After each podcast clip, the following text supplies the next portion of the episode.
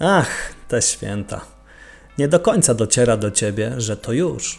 Jak przez mgłę, oczami wyobraźni widzisz siebie jeszcze jako małą dziewczynkę, uradowaną na widok kolejnych prezentów, które gruby, starszy pan w czerwieni zostawił ci pod pięknie, choć z perspektywy czasu wiesz, że jednak kiczowato, ustrojoną choinką.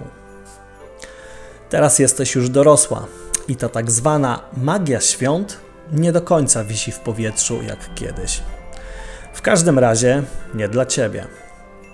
Teraz to ty musisz przygotować te wszystkie wspaniałości na wigilijny stół, posprzątać całe lokum oraz odpowiednio je udekorować, aby kurek świątecznego klimatu był przez te trzy dni rozkręcony na maksa.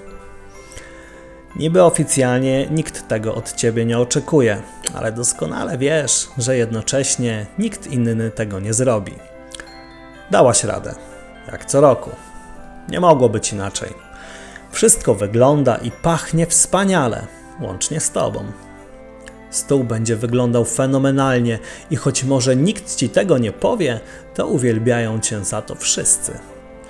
Barszcz w tym roku wyszedł wyjątkowo dobrze, choć o podium walczy ze śledziem po kaszubsku, przygotowanym według receptury wzbogaconej o Twój tajny składnik.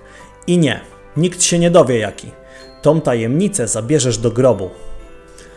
Jest też karp w galarecie, pierogi w kilku wariantach, kompot z suszu, ulubiona sałatka warzywna Twojego męża, przystrojona jak co roku pietruszką, którą on i tak wyjmie i wyrzuci, jak co roku. I jest też ono. Póki co schowane w czeluściach lodówki, aby nabrało finalnej formy na jutro. Tak naprawdę to ono w tym roku wyszło ci najpiękniej. Robiła się, jakby to był ostatni raz, jakbyś chciała się pożegnać. Właściwie to to jest pożegnanie. W końcu od dwóch miesięcy jesteś na diecie, a twój dietetyk ci zabronił nawet o nim myśleć. No to na szczęście nie tuczy, inaczej miałabyś już o co najmniej kilkanaście nadprogramowych kilogramów więcej.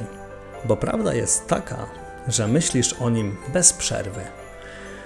Pożerasz je wzrokiem i węchem, tym mocniej, im bardziej dociera do ciebie, że w tym roku nie dane ci będzie skosztować jego smaku. Ale jesteś silna i dasz radę, nawet jeśli to oznacza permanentny koniec waszego romansu. Przeżyliście razem tyle przyjemnych chwil, że nie umiesz sobie sama teraz tego poukładać. Ale wiesz, że tak trzeba. Żegnaj, ukochany serniczku. Wigilia dobiegła końca. Oczywiście wszyscy byli w niebo wzięci i nawet pomogli posprzątać. Zebrałaś rekordową liczbę pochwał zarówno za oprawę artystyczną, jak i wybitną smakowitość dań. Serio, nigdy cię tak nie chwalili. Jest ci niezmiernie miło, ale w środku i tak czujesz pewną pustkę. Wiesz, że jutro wszyscy spędzą wyborne chwile z Twoim ciastem, że na pewno będą chwalić wyjątkową puszystość masy serowej przygotowanej, a jakże z dodatkiem tajnego składnika. Wiesz to, bo w tym roku wyszedł wyjątkowo dobrze. Co prawda nawet nie spróbowałaś, ale doskonale wiesz, że tak jest. Włożyłaś weń całe swoje serce. Wieczór mija ci na nostalgii. Byłaś dzielna i zjadłaś ledwie ułamek tego, co zwykle.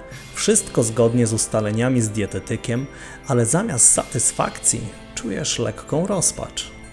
Do kuchni jest tak blisko, a w lodówce leży on, twoje opus magnum, a jednocześnie twój zakazany owoc.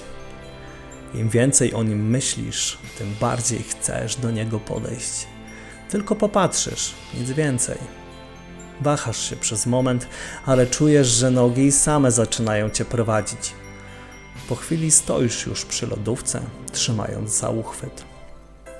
Jest ciemno, ale na ścianie zaczyna powoli pojawiać się jasny kontur, dziwnie przypominający kształtem otwieraną komorę chłodziarki. Tętno ci przyspiesza, czujesz niepokojące, acz przyjemne, mrowienie na całym ciele. Wasze oczy splatają się we wzajemnym spojrzeniu. Chcesz go tylko dotknąć. Sięgasz ręką przed siebie w stronę półki, na której na ciebie czeka.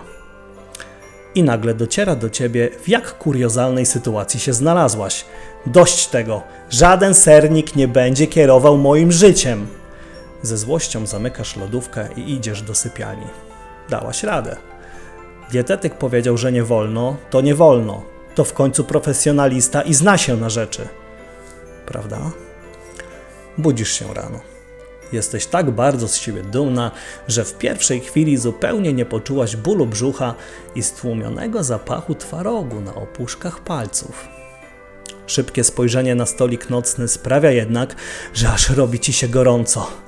Oto bowiem na talerzyku spoczywają dowody popełnionej zbrodni, okruszki i plamki z czekolady. Natychmiast stajesz na równe nogi i pędzisz do lodówki. Otwierasz ją, a na półce, gdzie jeszcze wczoraj wieczorem leżała cała tortownica sernika, leży już tylko pół. Jesteś przerażona, zmieszana, ale powoli odzyskujesz przebłyski pamięci z tego, co się stało. Tak, to byłaś ty. Zupełnie nie wiesz, co tobą kierowało. Przecież miałaś wszystko pod kontrolą. Rodzina zaraz też się dowie, będą z ciebie kpić. A może wyrzucić drugie pół i wymyśleć jakąś historię? To głupie. Jednak nie jestem silna. Dieta nie jest dla mnie. Poddaję się. I prowadzona tymi myślami, idziesz po telefon odwołać wizytę kontrolną u dietetyka, który co prawda odczytał, ale nie odpisuje. On najwidoczniej też uważa, że jesteś beznadziejna.